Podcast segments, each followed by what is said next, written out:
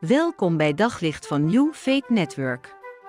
Luister elke dag naar een korte overdenking met inspiratie, bemoediging en wijsheid uit de Bijbel en laat Gods woord jouw hart en gedachten verlichten. Stel je eens voor dat je bij een wedstrijd in een uh, grote sporthal bent. Er zijn twee teams die tegen elkaar spelen. Je bent daar om één van de teams aan te moedigen en het, het is een spannende wedstrijd. Jouw team en de tegenpartij zijn in elkaar gewaagd. Het wordt spannend wie er gaat winnen. Er wordt fanatiek gestreden, maar dan ineens gebeurt er iets dat de hele wedstrijd stillegt. De lampen gaan uit, het is goed donker. Het enige licht dat je nog ziet is, is een groen licht in de verte. En dat is het licht van de nooduitgang. En er wordt geroepen dat iedereen naar de nooduitgang moet gaan. En je loopt mee in de horde die op dat groene licht afgaat. Als je uiteindelijk buiten staat, zie je om, om je heen allemaal mensen. Buiten de sporthal ontstaat een groep. Veel mensen kennen elkaar niet. Ze zouden de anderen nooit uitgekozen hebben. Sterker nog, een groot deel stond net nog de tegenpartij aan te moedigen. Het enige dat je met elkaar deelt is dat je door dezelfde nooduitgang bent gegaan. En nu heb je met elkaar te maken. Zo is ook de kerk ontstaan. De kerk ontstaat doordat we samen door dezelfde nooduitgang zijn gegaan. Kerk komt van Curiaken en betekent voor de heren, van de heren, gewijd aan de heren. De kerk bestaat niet uit mensen die elkaar uitgekozen hebben. De kerk bestaat uit mensen die door God aan elkaar gegeven zijn. Zou je daar eens over na willen denken? De kerk is, is een geschenk, het is letterlijk een zegen. Paulus die heeft verschillende brieven geschreven aan de kerk in de Griekse stad Korinthe. En binnen die kerk is er veel verdeeldheid. Dat blijkt wel uit wat Paulus schrijft. Steeds wijst hij hen op die nooduitgang waar ze door zijn gegaan. Hij wijst hen op Jezus die aan het kruis is gegaan om hen te redden.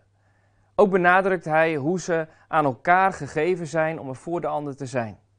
De tweede brief die wij van hem hebben, sluit hij met de volgende zegengroet af.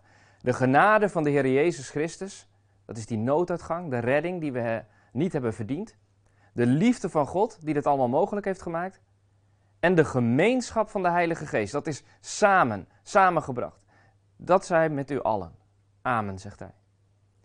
En het gaat mis als je één van die drie dingen van de andere losmaakt. Ze horen bij elkaar. De genade van de Heer Jezus Christus, de liefde van God, die ook tot naaste liefde leidt. En de gemeenschap van de Heilige Geest. In de geschiedenis van de kerk heeft het bij de leden te vaak ontbroken aan genade en liefde. En elke keer dat dat gebeurd is en gebeurt, is een keer te veel. En misschien heb jij daar ook wel flink mee te maken gehad. Telkens als we liefdeloos en ongenadig naar elkaar zijn, lijken we wel vergeten hoe we aan elkaar gekomen zijn. De kerk kan en mag geen gemeenschap zijn zonder genade van de Heer Jezus Christus en de liefde van God. Een gemeenschap zonder genade of liefde van de Heer klopt niet. Maar hoe zit het dan met het omgekeerde? Kun je genade en liefde van God hebben zonder gemeenschap? Als je de genade van Jezus hebt ontvangen en de liefde van God, maar deze genade en liefde brengt je niet bij de anderen, dan klopt er ook iets niet. Er, er ontbreekt een stukje van de zegen die de Heer wil geven. De gemeenschap van de Heilige Geest.